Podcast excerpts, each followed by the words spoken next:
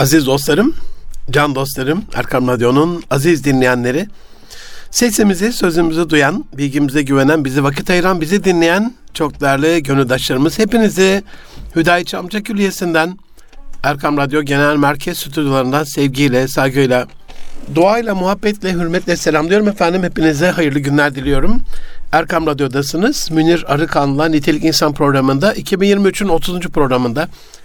İnşallah çok güncel ve önemli bir mesele olan ailelerin ve gençlerin üniversite tercihleri konusunda size bilgi vereceğim. Tabii konuyu söylerken gülmemin sebebi hani bu ailelerin tercihi değil ama bir şekilde gençleri ya da çocuklarını yetiştirme tarzlarına göre ailenin de müdahalesiyle sonuçlanan e, bir tercih oluyor. Dolayısıyla bu bir aile meselesine dönüşüyor.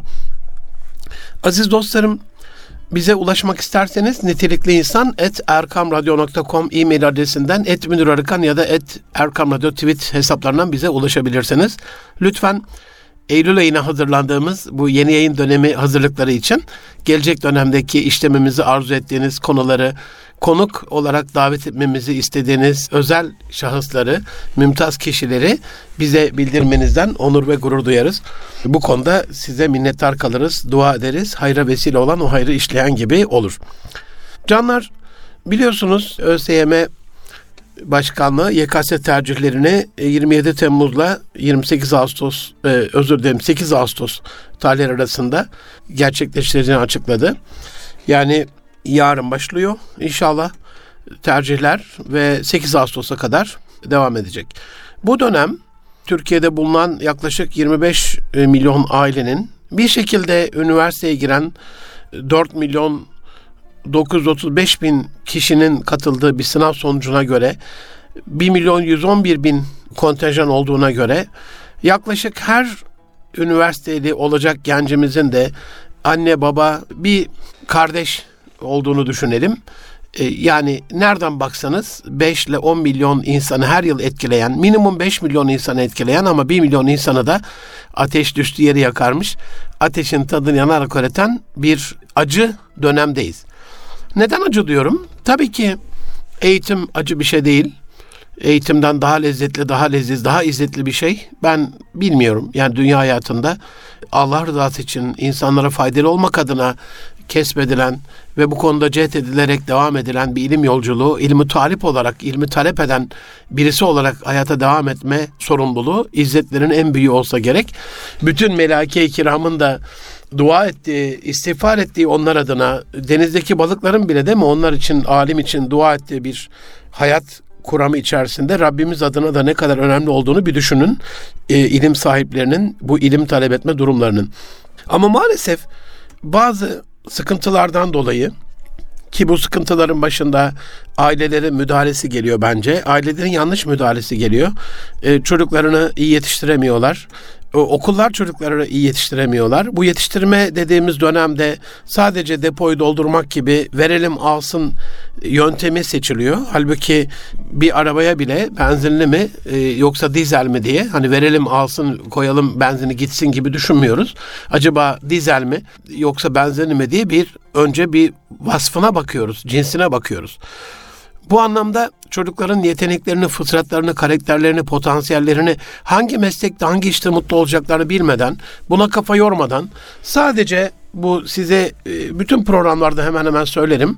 E, maalesef maalesef tapındığımız sınav putu ve kurguladığımız el ne der putu bu iki putun karşısında tazim ederek, saygıyla, hürmetle eğilerek bir 20 yıl heba ediyoruz.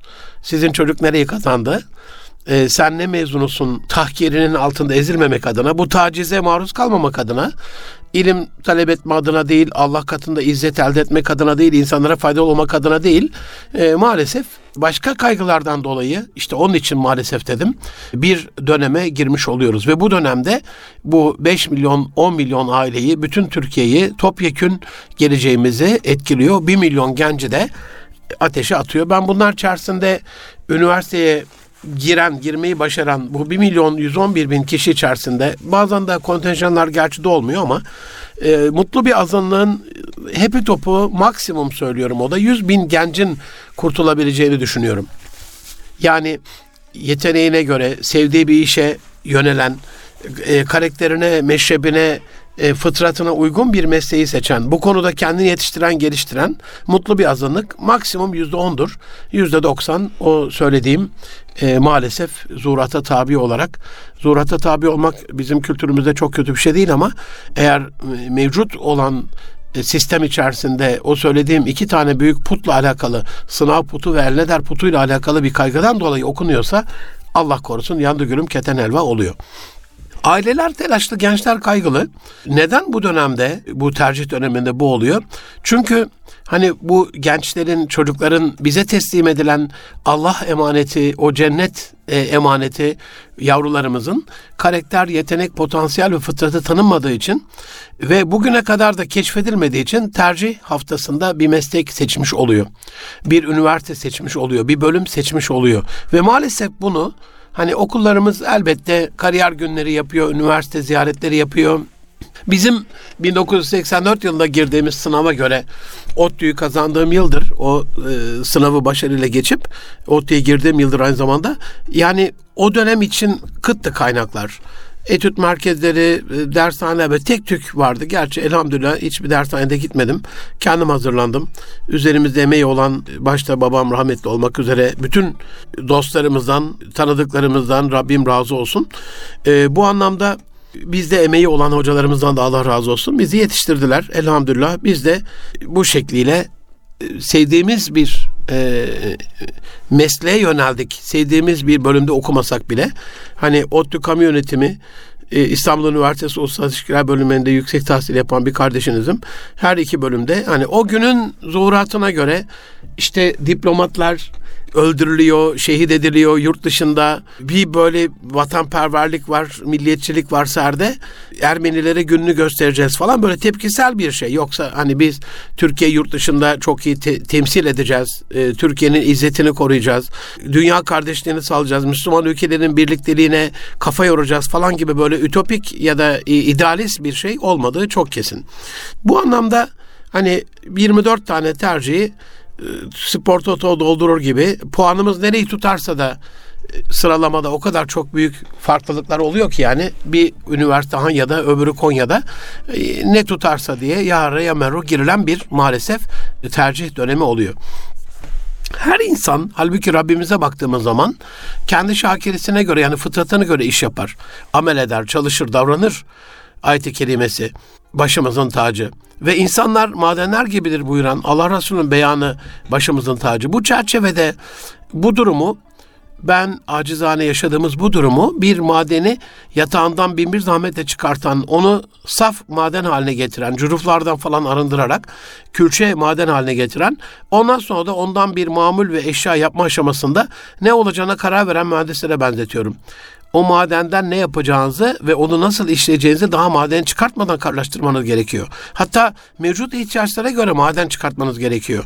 O yıl kömür fazla ise ülkede stoklar, kömür stokları kömür çıkartmaya ara verirsiniz. Bakır fazla ise bakır çıkartmayı ertelersiniz. Demire ihtiyaç varsa demir madenini ve ondan neler yapıldığını bildiğiniz için ihtiyacınızı belirlediğiniz ölçüde, ölçekte yeni maden şeyleri açarsınız. Demir cevherini çıkartmayı buna göre yaparsınız. Yani elde mevcut işleyip işleyip işleyip stokları çoğaltıp ondan sonra da önünüze gelen o milyarlarca ton e, madeni aa bundan da şunu yapayım diye üstelik altınla yapacağınız bir mücevheri aa elimizde demir varmış diye demiri eğip bükerek onu mücevher haline getirmeye çalışmazsınız. Bu anlamda fıtrat ve şakirenin keşfi her zaman söylediğim gibi bu tercih döneminde çok çok önemli.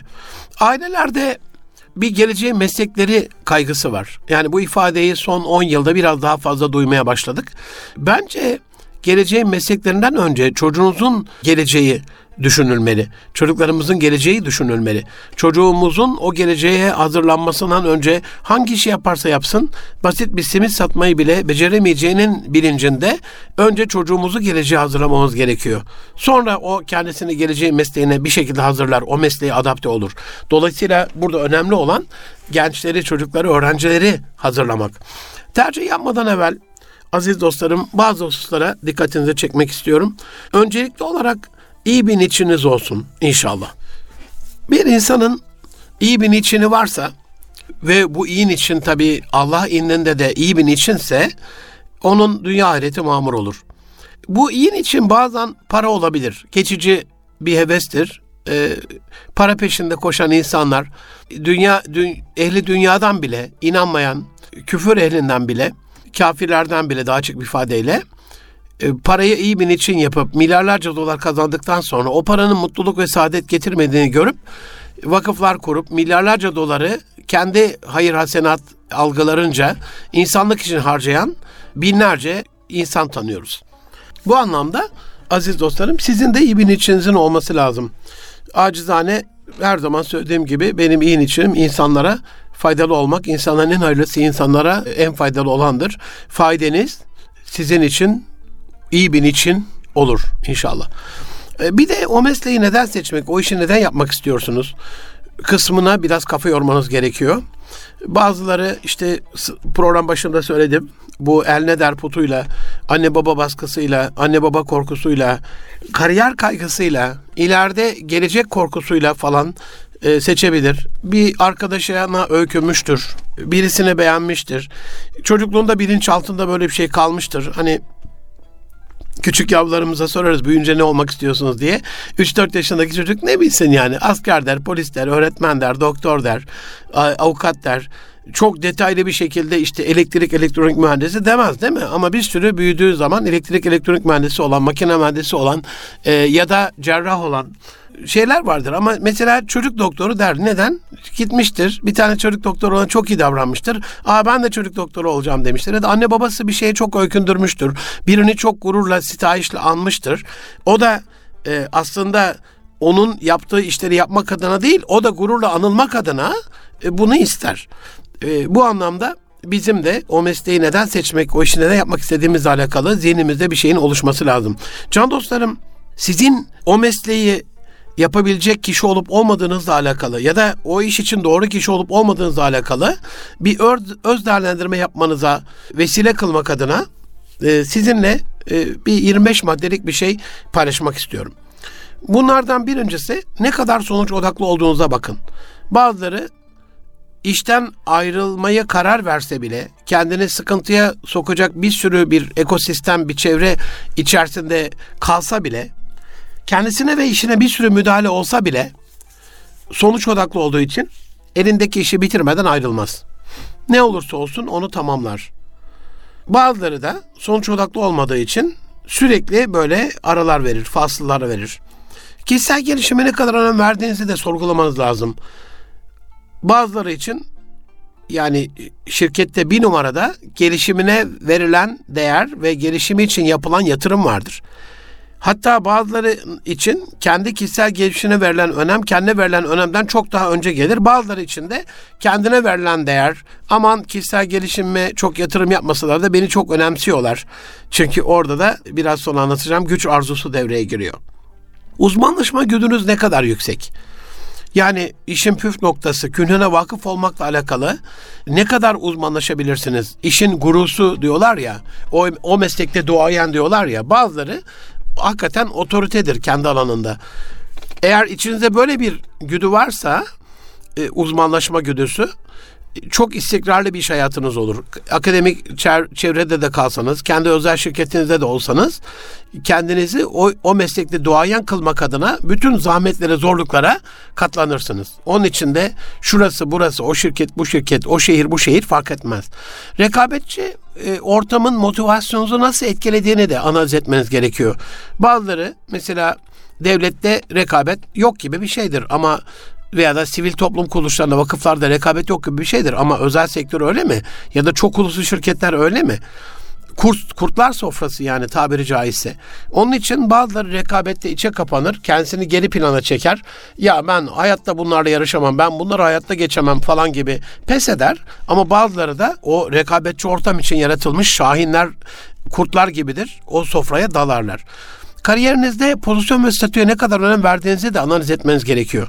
Mesela akademik camiada her şey ünvana, e, titre, makama, title'a göredir. Türk Silahlı Kuvvetleri'nde de aynı şekilde. Ama orada re, rekabetçi bir ortamdan gelen bir şey değil, başarıyla ya da kıdemle gelen e, standartize olmuş bir sistem içerisinde e, hangi sınavdan e, hangi dereceyle bitirdiğinizle alakalı, kurmayla geçiş sınavlarıyla alakalı, sonrasında Türk Silahlı Kuvvetleri'nin yükselme kademesinde ilerlemenizle alakalı her şey belli bir statü ve belli bir standarda göredir.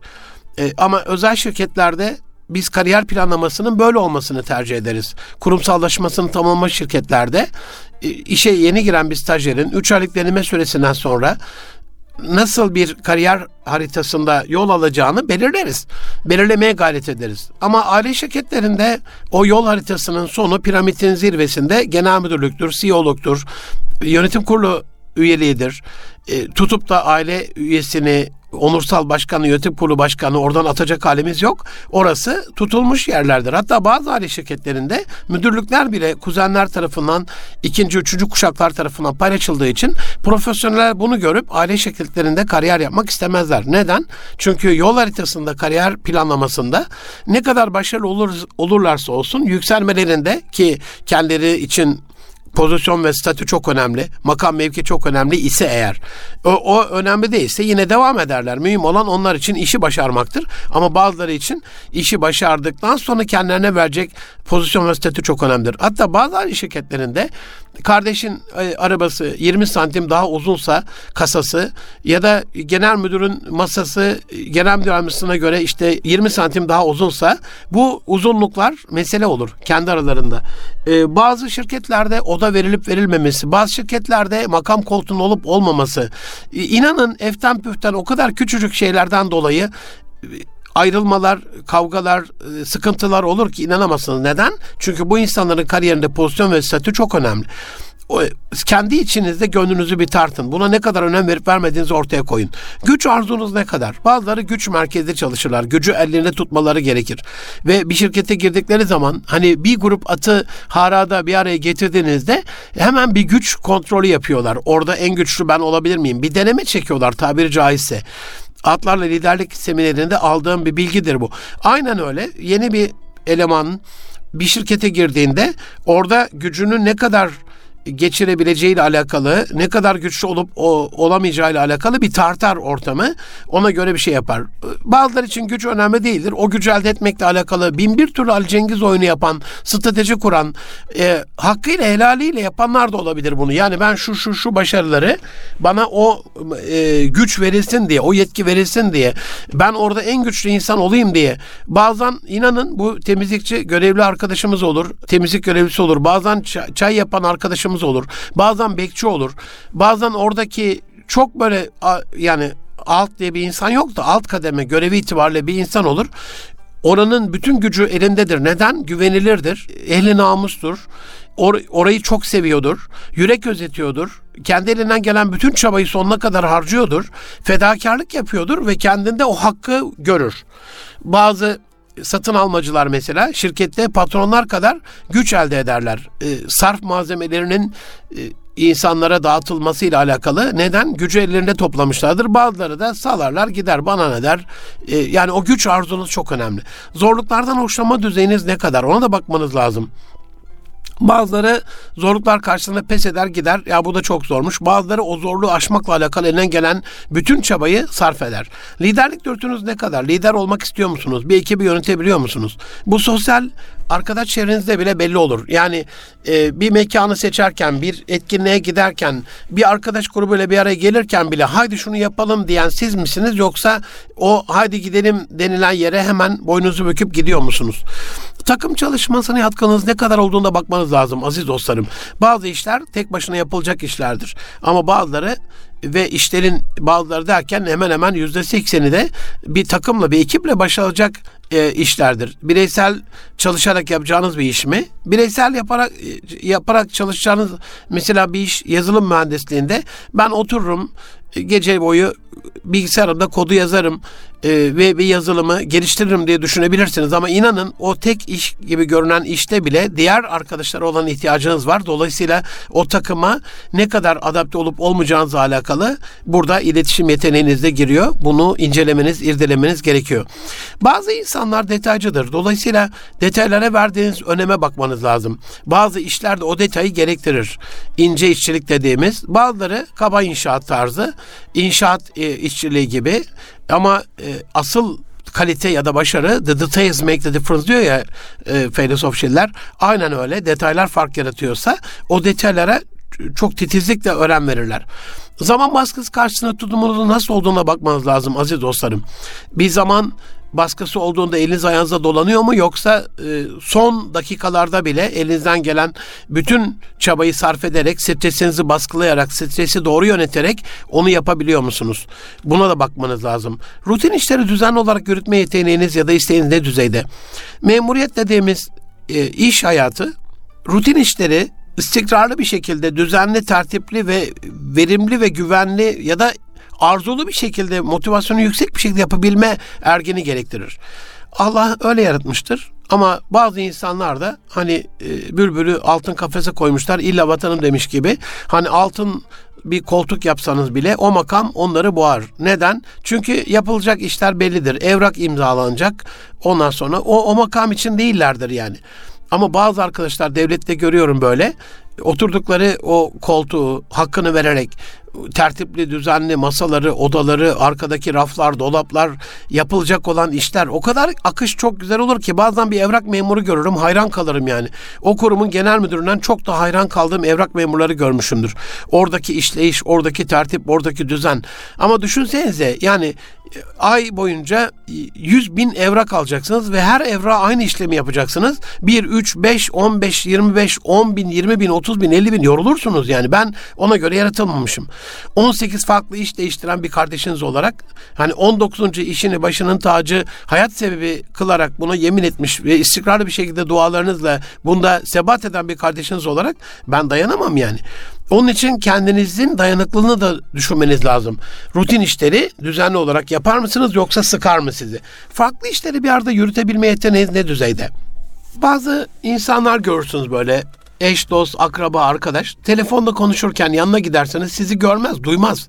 Bir şey sorarsanız cevaplayamaz. Bazıları da telefonda konuşurken sizi de cevaplar. Odaya gelen bir misafiri de ağırlar.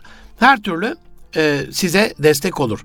Dolayısıyla hani aynı anda birkaç farklı iş yapabiliyor musunuz? Genellikle liderlik pozisyonunda hani orkestranın şefi gibi bütün enstrümanların sesini duyan bir beyne ihtiyaç e, olabiliyor. Bağımsızlığa verdiğiniz önem ne kadar? Ona da bakmanız lazım. Bağımsız çalışan yoksa e, bir ekiple beraber ona bağımlı bir şekilde onu raporlayarak, ona hesap vererek giden bir insan mısınız?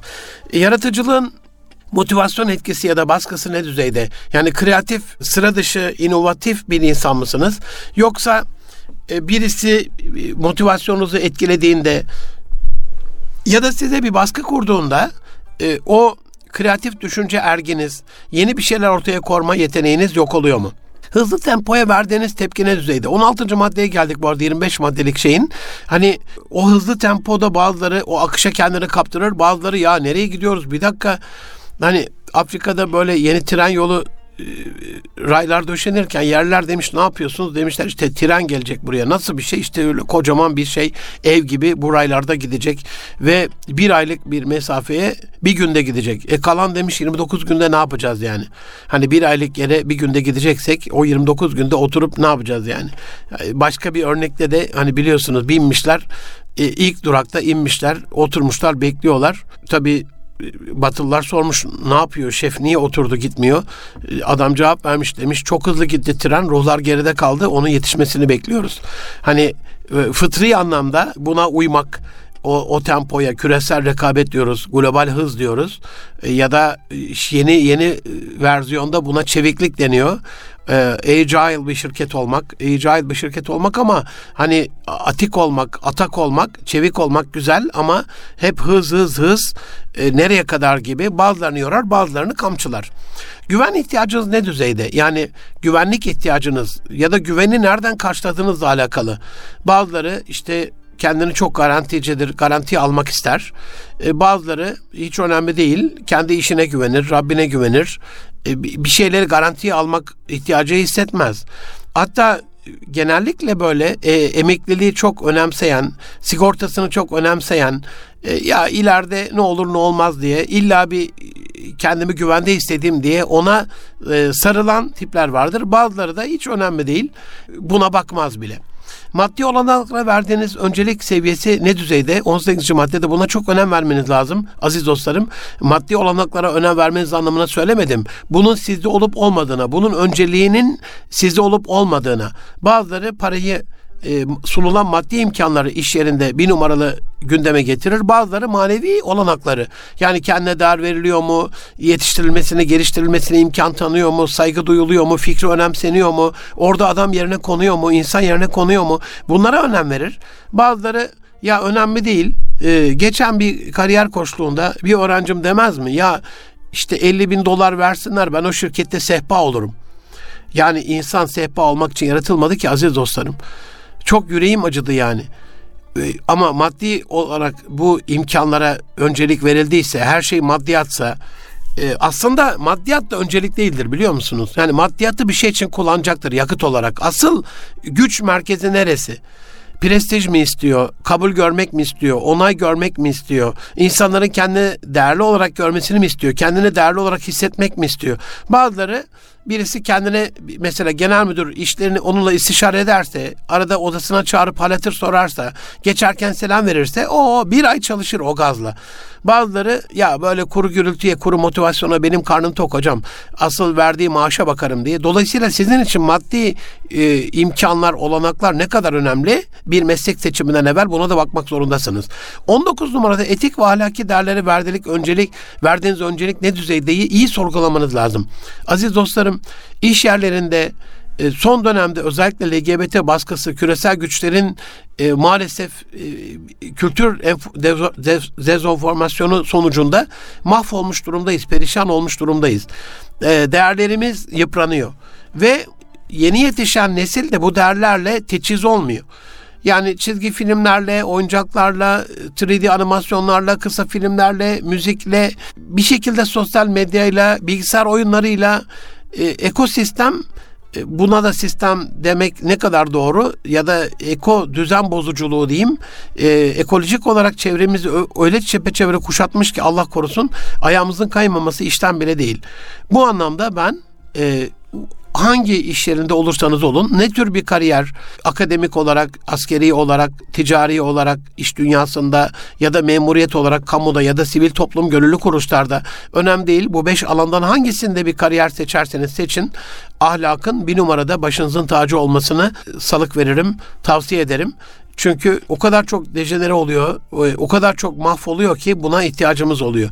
Bazıları için Hani öyle bir meşhur bir mar- markanın şeyi vardı, mottosu e, itibar itibar kaybedeceğime parayı kaybetmeyi tercih ederim diye. Aynen öyle. Sizin için etik ve ahlaki değerler ne kadar önemli? Bunu ne kadar savunabilirsiniz? Yani illa uluslararası ihalelere giriyorsunuz ve orada da e, rüşvet çarkı dönmeden o ihaleler olmuyorsa herhalde öyle bir kariyer tercih etmemiz gerekiyor diye düşünüyorum. E, onun için hani ben ahlaki değerlere sahipsem hangi ahlaki değerlere ne kadar önem verdiğimi meslek seçiminden evvel ortaya koymam lazım. Dostluğa verdiğiniz önem ne düzeyde? Bazıları hani e, iş yerinde my best friend teori deniyor buna e, iş dünyasında en iyi arkadaş teorisi Amerika'da yapılan bir araştırma iş dünyasında e, şirketi hatırlayamadım ama McKinsey gibi bir şirketin yaptığı bir araştırmaydı. Eğer my best friend dediniz, hayattaki en iyi arkadaşınız bir şirkette ise orada para, statü, kariyer anlattığım bu 19 madde hikaye. Siz sadece çünkü arkadaşlığa değer veriyorsunuz. En azından arkadaşınızla bir arada olmak adına, onunla sohbet etmek adına, işe gidip gelişte onunla beraber gitmek adına o iş yerindeki size olan saygısızlığa, sevgisizliğe, değersizliğe tahammül gösterebiliyorsunuz. Hatta bazı okullarda ve kurumlarda e, en iyi arkadaşı orada diye yapılan birçok e, baskılara da maruz kalmasına rağmen e, sabreden insanların vakası basına düşmüştür. Sosyal medyaya düşmüştür. Onun için dostluğa verdiğiniz önem ne düzeyde bakmanız lazım. Bazı meslekler dostunuzla bir fincan kahve içmeye, bir bardak çay içmeye bile imkan vermeyecek kadar koşturmaca içerisindedir.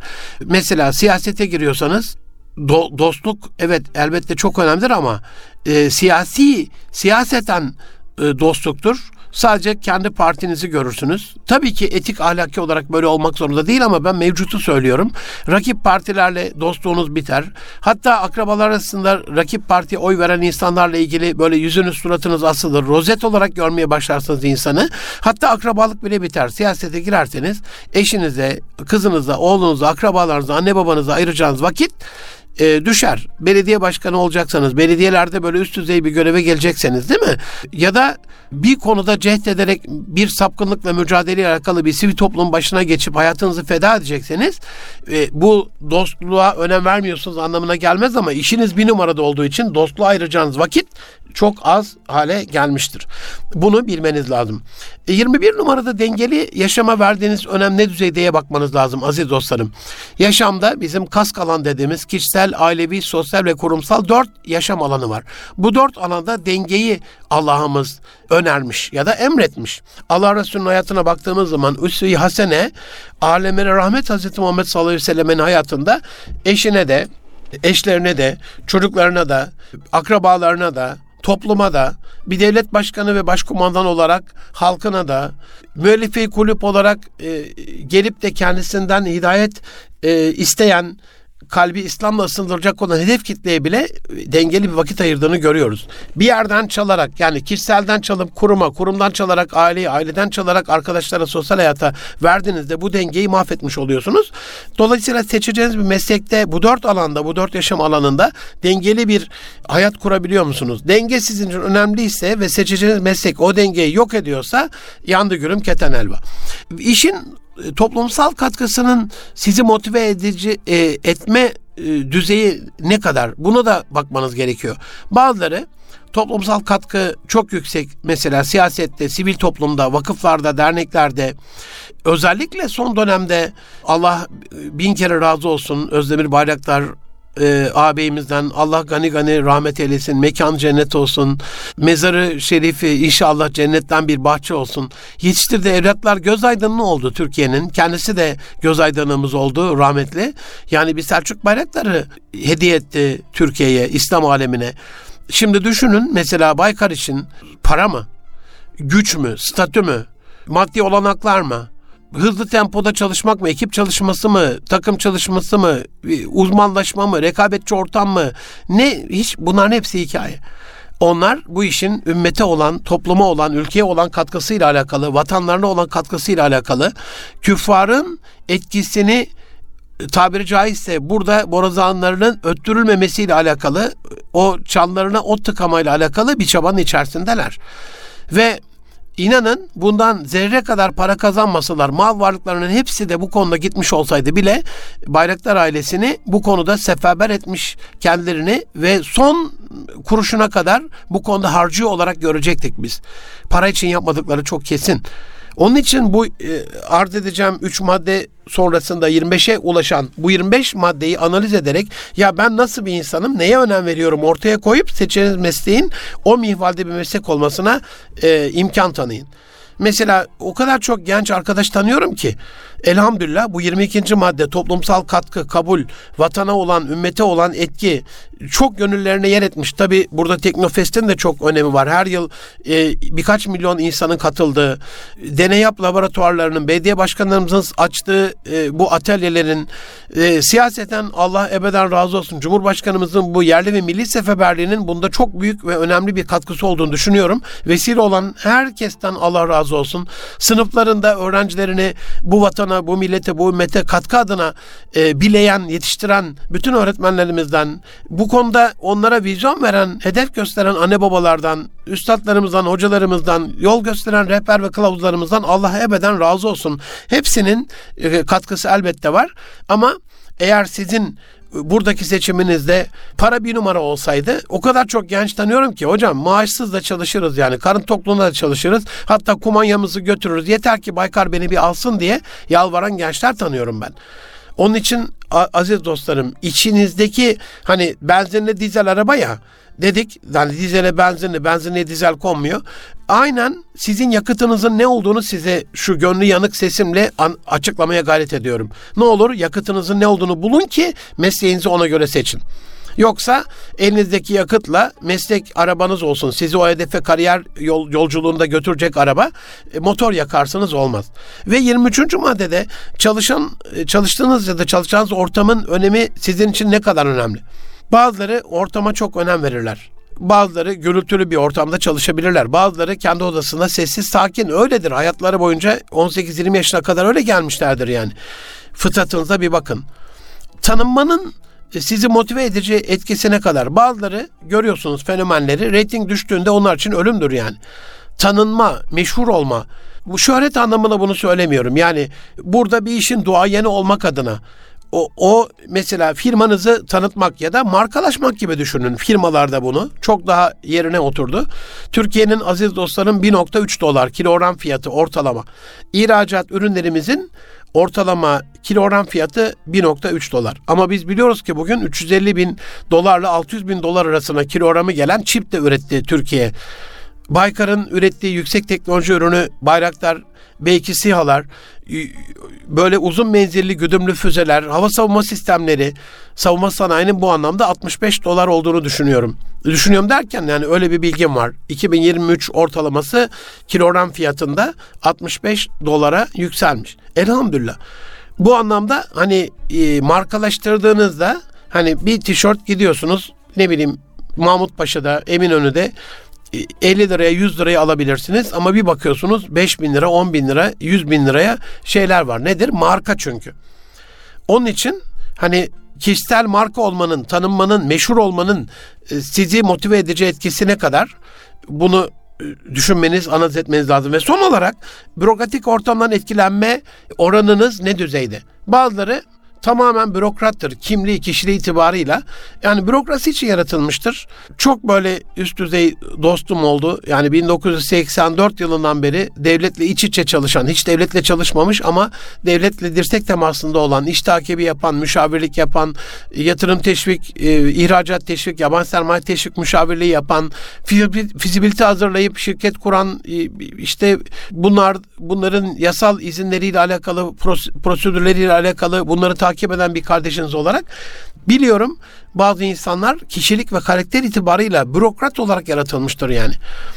Onlar o işte başarılı olurlar. Ama bazılarını da mesela benim için sıkar, ruhumu sıkar. Yani ben bürokratik bir ortamda duramam aziz dostlarım. Mümkün değil.